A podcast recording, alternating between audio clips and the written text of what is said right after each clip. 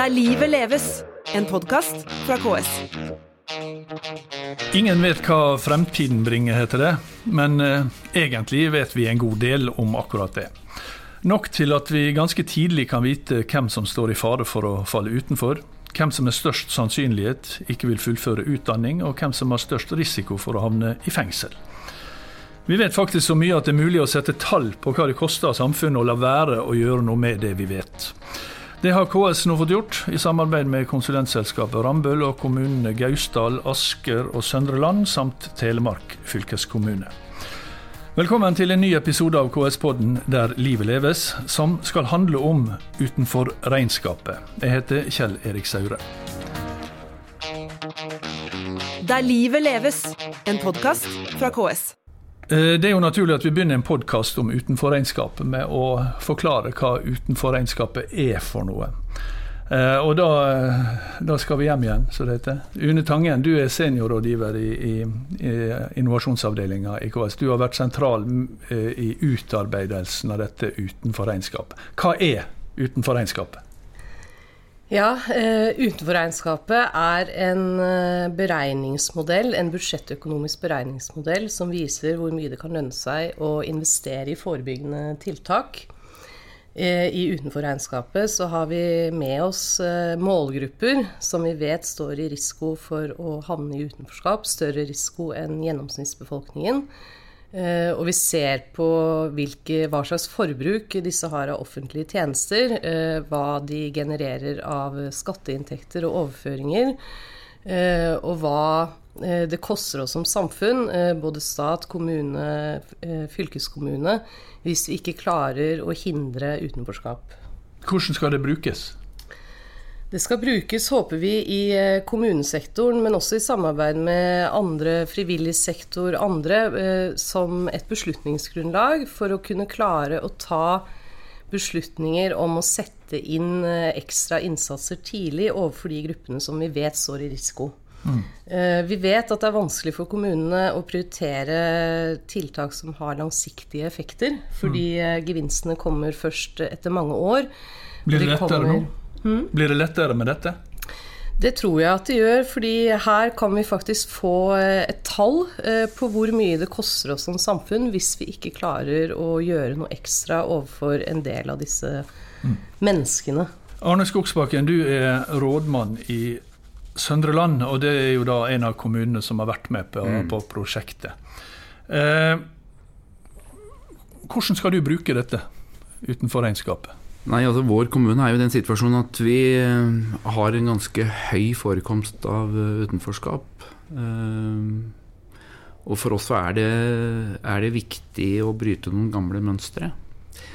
Så mm, vår ambisjon er jo å bruke utenforregnskapet på den måten som Une Tangen her beskriver. Mm. Altså, Men er det, er det noen grunn til å tro at Altså, eh, vi, har fått, vi har fått tall. Men samtidig så vet vi jo fra mange andre områder også at forebygging er mye billigere enn å reparere. Likevel så er det vanskelig å på en måte vedta eh, eller å bevilge penger til noe som du skal se virkninger av om mange år. Eh, mens du har mange andre ting som du kan se mye mer umiddelbar effekt på. Blir det noe enklere på dette området enn det har vært på andre områder? Det er, i hvert fall enklere å forholde seg til konkrete tall. Mm.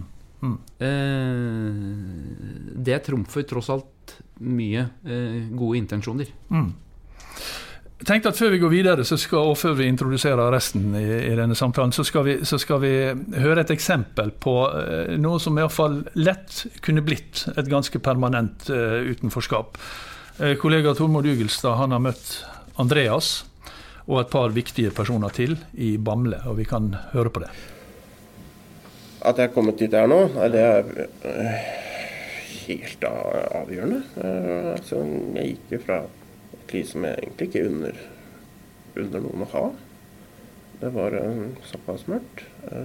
Det arbeidet som er gjort for å komme dit jeg er nå, det er jo absolutt avgjørende for at jeg har det ålreite livet jeg har nå. Jeg møter Andreas i Bamble på det arbeidsforberedende tiltaket Trappa, som han kom til for fem år siden. Det var ett av trinnene på reisen, som startet lenge før det. For ti år siden, da alt så mye mørkere ut. Ja, på den tida der så hadde jeg jo gått på, gått på noen smeller. Um, jeg var uh, utslitt. Så ikke egentlig så lyst på ting. Fram til jeg møtte Selvi, da. Og så, og så noe litt annet. Jeg heter Sølvi Røstad, jobber på Nav Bamble. Da Sølvi traff Andreas første gang, møtte hun en 19-åring som hadde fått høre at han hadde dårlige fremtidsutsikter. Fikk vel egentlig klar beskjed om at du aldri kom til å få deg en jobb, eller kom aldri til å få sertifikat, eller kom egentlig aldri til å på en måte komme bli inkludert i det såkalte normale livet. Mm. Men Sølvi ville ikke slå seg til ro med det, og tenkte at det skal vi bli to om. For her var det mer å hente, tenkte hun, og sammen startet de det hun beskriver som en møysommelig jobb de neste fem årene. Da var Andreas klar til å ta skrittet ut i et tiltak, og troppet opp på trappa hos Marit Røsje. Jeg jobber som jobbkonsulent i tiltaket Trappa. Jeg kan huske første dagen var veldig skummel. Da vurderte jeg sterkt om jeg skulle møte opp eller ikke, men eh, det gjorde jeg da. Og det var eh, noe av det lureste jeg gjorde, det. I tillegg til å være på trappa, som hovedsakelig driver med hjulskift, hospiterte Andreas også ut i en musikkforretning. For Andreas er jo et uh, uh, musikktalent. Jeg spiller uh, piano og keyboard og, ja. og elgitar primært. Og kirkeorgel. Ja, det er det kuleste instrumentet man kan spille på. Det er ja. ikke noe mer bombastisk og svært og mektig enn det. Selv om musikkforretningen der Andreas hospiterte etter hvert dessverre ble lagt ned, var det snart nye dører som åpnet seg. Nærmere bestemt hos gründerbedriften NetSense Software Services, der Andreas ble med på utviklingen av appen Hyttetjenester, som han i dag er supportansvarlig for. For 1.1 i år ble han nemlig fast ansatt i selskapet, og sitter nå med både fast jobb, førerkort, bil og et liv han har ønsket seg så lenge. Nå har jeg på en måte fått det A4-livet som, som jeg så alle andre hadde. Ha de mulighetene som resten av folk i samfunnet har. Det er jo den faste jobben, det er jo Betale den regninga? Betale den regninga, rett, rett, og slett. Ha, ha, de, ha, ha, de, vanlige mulighetene og, som uh, hvermannsen har. Ja, det var Andreas. Vi kan vel si at han var på vei ut i mer eller mindre permanent utenforskap. Og i dag har han fast jobb og er der han ønsker å komme. Det er liksom en riktig solskinnshistorie. Og her eh, sitter også eh, statssekretær i Arbeids- og sosialdepartementet, Guro Angel Gimse. Tror du det finnes mange slike Andreaser rundt omkring i landet som kanskje ikke møter ei Sølvi på Nav-kontoret? Det tror jeg så absolutt eh, at det er. Og det var jo veldig trist å høre at han eh, først har fått høre at det var ikke noe håp for han. Han hadde ikke mm. noe framtid. Mm. Og eh, jeg tror det er veldig mange som trenger å få trua på seg sjøl, og få en Sølvi da, som forteller dem det at du har muligheter. Du er faktisk et talent, du, til i musikk, sånn som vi hører her. Og så har han fått komme i fast arbeid i tillegg, så eh, det er absolutt et potensial her. Mm. Og så For å ta det litt ned igjen da, fra, fra, fra en, historie med en lykkelig slutt til disse harde realitetene, så er jo det altså slik at eh, det er mye penger for samfunnet å spare på at kommunene eh, setter inn forebyggende tiltak, men besparelsene den vil komme mye senere. Og gjerne ikke hos kommunen som betaler dem, men hos, ja, i statlige institusjoner, fengselsvesen, kriminalomsorgen, slike ting. Hvordan kan staten bidra til at kommunene gjør de rette tingene her, da? Ja, det er jo klassikeren det, at man ikke satser på forebygging. At vi springer rundt og slukker branner, og at vi eh, holder på med rehabilitering.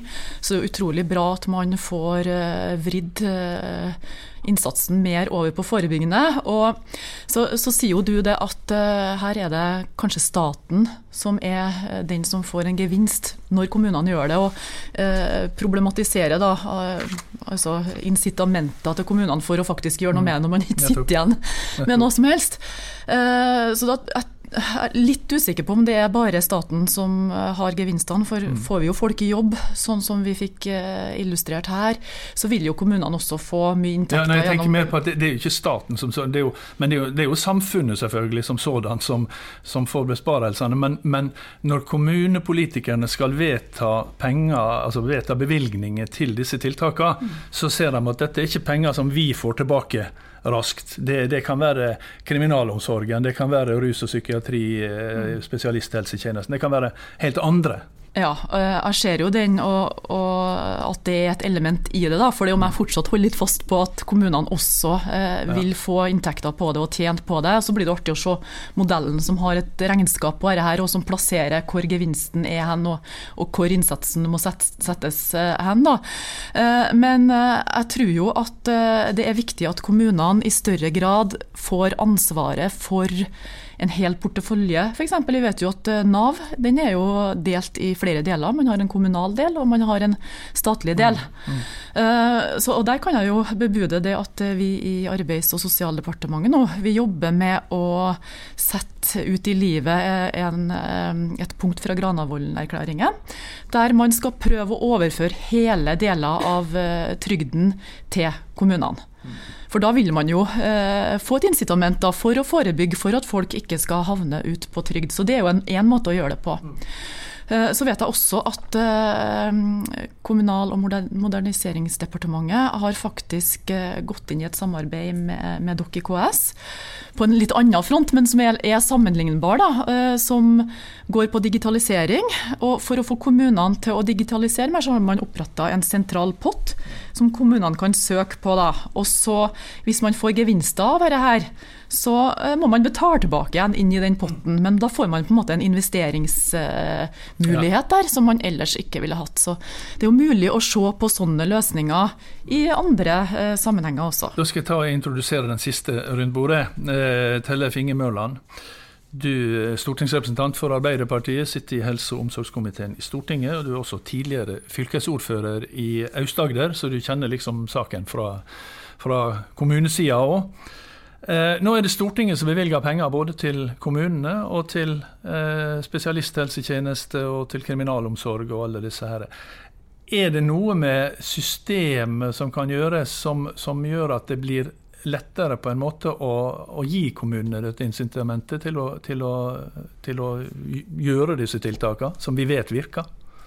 Nå tror jeg jo veldig mange kommuner føler et ansvar for å prøve å iverksette de her eh, tiltakene uansett. Og så er det jo sånn at alle bor i en kommune, eh, og derfor så tror jeg jo at kommunene har en interesse av det. Men det er klart at når de økonomiske ressursene er begrensa og knappe, så går det kanskje først til å slokke de brannene som allerede er der nå, istedenfor å forebygge eh, de utfordringene som kanskje kommer om, om fem-ti fem, år til.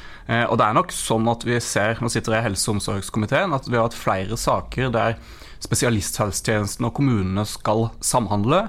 Men så er det økonomiske utfordringer som gjør til at man kanskje legger ned tilbud innen barne- og ungdomspsykiatrien i spesialisthelsetjenesten, rehabiliteringstilbud i spesialisthelsetjenesten, og sier at kommunene må ta det før kommunene er i stand til å ta det ansvaret. Og jeg tenker at Det er en dårlig oppskrift eh, som sørger for mer utenforskap og ikke mindre utenforskap. Man må ha ressursene på plass og klare å få til en samhandling til det beste mm. for eh, pasientene og innbyggerne i kommunene. Eh, hvis jeg kan få lov å kaste meg på dette, for dette opptar meg ganske mye. Altså, vi har, jobber hos oss eh, i et større mm, prosjekt, da. Eh, der vi har gått inn og sett på eksempelvis en familiesituasjon. Der en familie som sliter, kan måtte forholde seg til opptil 18 forskjellige instanser. Både kommunale, fylkeskommunale, eh, sykehus Nav, eh, you name it. Um, og litt sånn satt på spissen så kan en si at ja, hvis en ikke er sjuk før, så blir en det jo da. Mm. Eh, og for folk flest så er det jo helt uinteressant hvordan vi har valgt å organisere oss i det offentlige. Eh, for meg som innbygger er det faktisk helt uinteressant. Men jeg bruker altfor mye tida mi som rådmann til å måtte forholde meg til at vi skal ha samhandling med Nav, vi skal ha samhandling med sykehus osv. Og der, det er vi nødt til å få noen mekanismer til å slå hull i noe, noen vegger. Hva, hva, slags mekanismer snakker du om da? Hva, ja, Den som visste det, Hvis noen ja. hadde nøkkelen til det, så, ja. så, håper jeg jo at de hadde lagt den på bordet. da mm. men, men, vi er nødt til å jobbe med å finne noen løsninger på å håndtere det. Fordi det er uoversiktlig for oss som er i systemet, og da kan jo tenke seg åssen det er for de stakkarene det gjelder. Mørland, har du noe forslag til nøkler? Ja, altså, jeg tenker jo for det første at Man må uh, samhandle mellom den statlige delen og den kommunale delen. og Ta rus som et av de feltene som jeg, jeg, har fått ansvar for å jobbe med. Så har jo vi foreslått et integrert ettervern. Det ville betydd at behandlende institusjon var med inn i kommunene. Men det må liksom være den fagligheten som styrer det, og at det blir mest mulig sømløst overfor den enkelte innbyggeren, så den enkelte innbyggeren ikke uh, merker forskjell, som vi kanskje har en vei å gå på, på fortsatt. Og så blir det fort et litt sånn økonomisk uh, svarteperspill, er mitt, mitt, inntrykk. Der uh, man må prøve å få det liksom vekk fra sine budsjetter, og da er jeg redd for at uh, innbyggere, pasientene, av og til faller imellom to stoler. Det er litt, eh, Guro Gims, altså dette handler om, det handler om mennesket, dette. Det, det, blir jo veldig fort sånn at vi sitter og snakker som om det handler om system, men det handler om personer og enkelt, enkeltmennesker. Hva gjør dere, hvordan jobber dere i departementet for, å, for at det er disse folka vi snakker om som står i sentrum, og ikke hva system som skal til?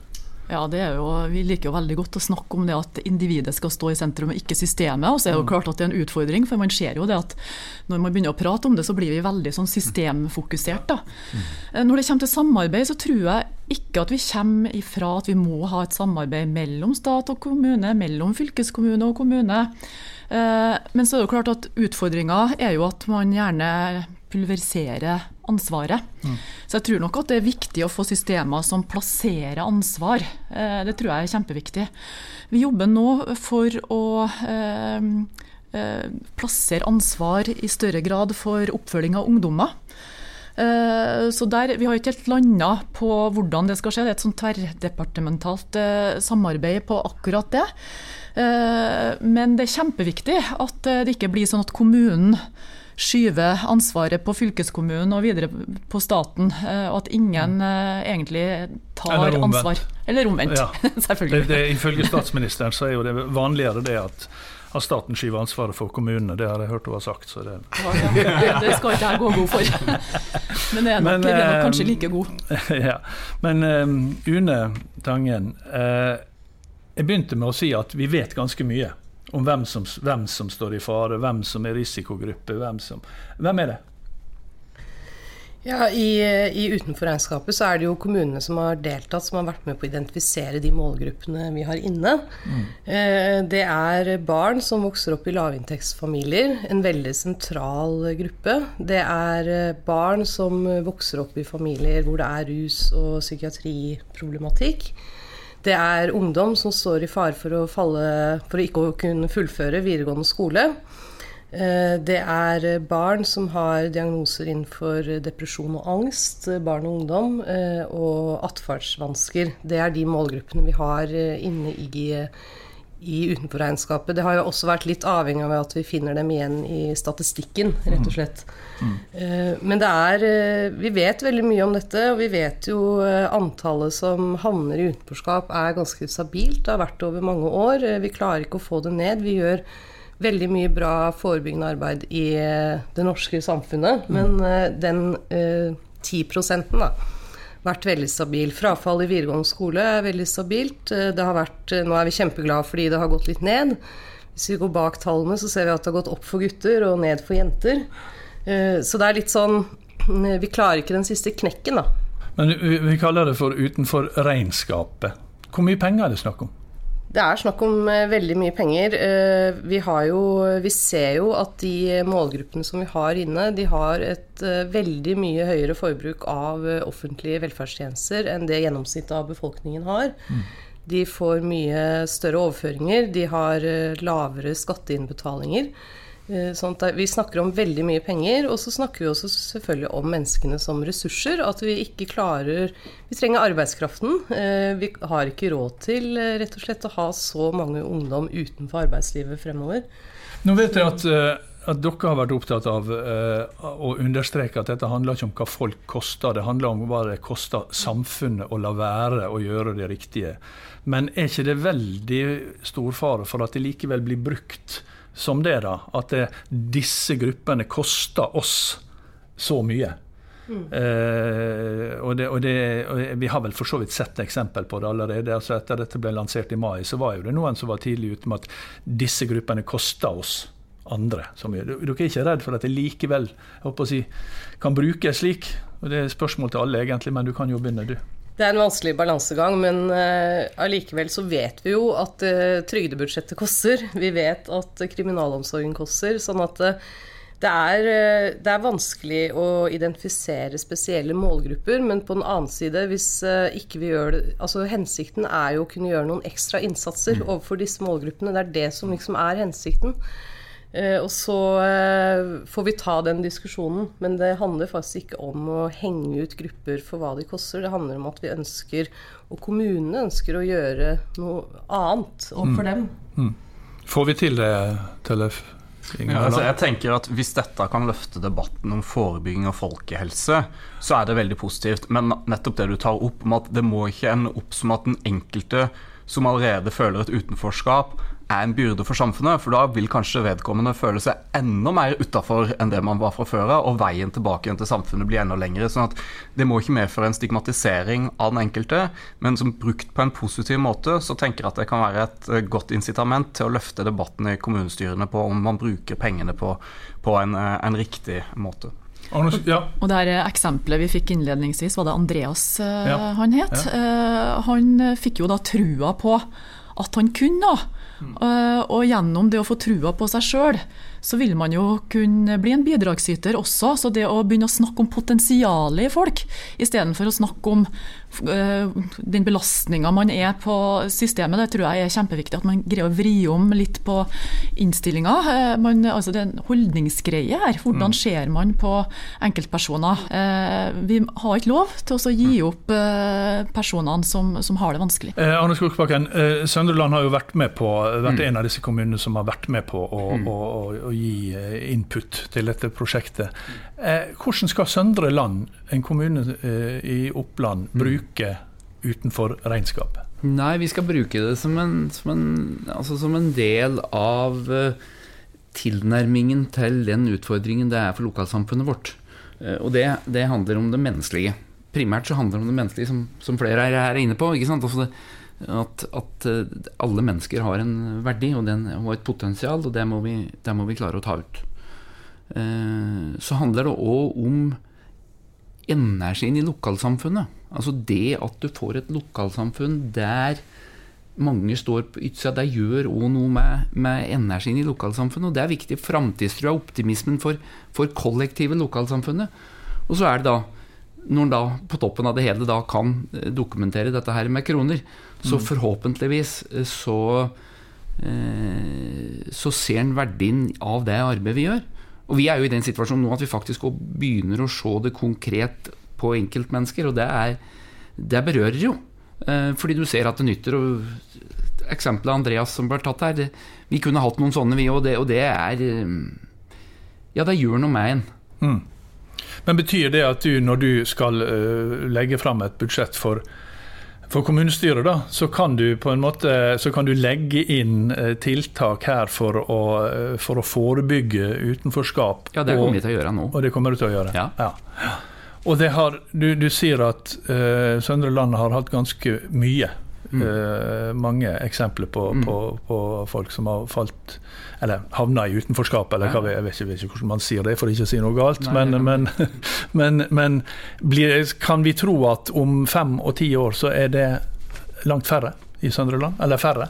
Ja, jeg tror det. Mm. Jeg tror det. Altså, som sagt, vi, vi ser det jo nå. Jeg, vi kan sette navn på dem, vi kan gi dem et ansikt på flere enn nå. Etter vi har jobbet så systematisk som det vi har gjort nå i et par års tid. Så så ja, det tror jeg. Jeg tror noe av det viktigste man kan gjøre for å forebygge utenforskap, det er å få personer i arbeid. Eh, og eh, nå er det jo veldig lav arbeidsledighet. Det er jo 2,1% var de siste tallene her nå. Så det er behov for eh, arbeidskraft ut der. Så jeg tror utrolig mange kan bidra. Kommuner og stat eh, selvfølgelig, og ideelle og private kan også komme på banen her og bidra til å bekjempe utenforskap gjennom å ansette personer som kanskje har eh, hull i CV-en, som, som, vi i departementet nå liker å kalle det, eller nedsatt funksjonsevne. Så vi må få en helt annen holdning til hva som skal til for eller hvilke personer vi ønsker å ansette, f.eks. Mm. Jeg er helt enig i at arbeid er veldig viktig, men så er det jo noen forutsetninger som blir lagt på veien. Eh, og det handler om eh, kanskje kunne stå der med et fagbrev, så står du bedre rusta. Eh, og så vet vi at Forutsetningen for å lykkes i videregående opplæring den blir kanskje lagt allerede fra barnehagen og småskolen av. Da jeg var fylkespolitiker, så innførte vi en runde i min fylkeskommune der vi besøkte alle kommunene og sa hvordan står det til med de elevene dere sender over til fylkeskommunene, nettopp for at kommunene kunne bli mer bevisste på har de gode nok forutsetninger til å lykkes med den utdanninga i videregående opplæring, som igjen gjør det lettere å komme i jobb. Og Det tror jeg igjen handler om at vi er nødt til å samhandle kommune, fylke og stat. Eh, og se at eh, til sjuende og sist så kommer det til å lønne seg for alle parter, og ikke minst for de enkeltmenneskene det her er snakk om. Une til slutt. Eh, nå er utenriks, utenriks ja, der ser du. Utenfor regnskapet på plass. Hvordan skal, hvordan skal KS jobbe nå for at det skal tas i bruk? Av kommunene? Nå, nå, jobber vi Vi har satt i gang et nettverk eh, hvor det deltar seks kommuner og en bydel i Oslo, eh, som vi kommer til å følge ganske tett. fordi det vi tenker nå, er at vi er avhengig av eh, ikke sant? Nå har vi noen kommuner som vi vet kommer til å bruke det som et beslutningsgrunnlag. Vi er avhengig av å få noen erfaringer på hvordan det virker. Men vi har jo selvfølgelig vi skal drive, vi har laget en opplæringspakke, vi skal drive systematisk informasjon og opplæring ut til kommunesektoren. Så eh, vi er litt avhengig også av gode samarbeidspartnere, som eh, politikere, departement, direktorater. Jeg har nettopp vært og snakket med alle fylkesfolk fra alle fylkesmannsembetene. Altså, her tenker jeg at vi må trekke i samme retning. fordi det det gjelder, er jo rett og slett Det, gjelder, det handler om mennesker. Mm. Mm. Og så kan man lese mye mer om utenfor regnskapet på ks.no. Søk på utenfor regnskap, så finner du masse.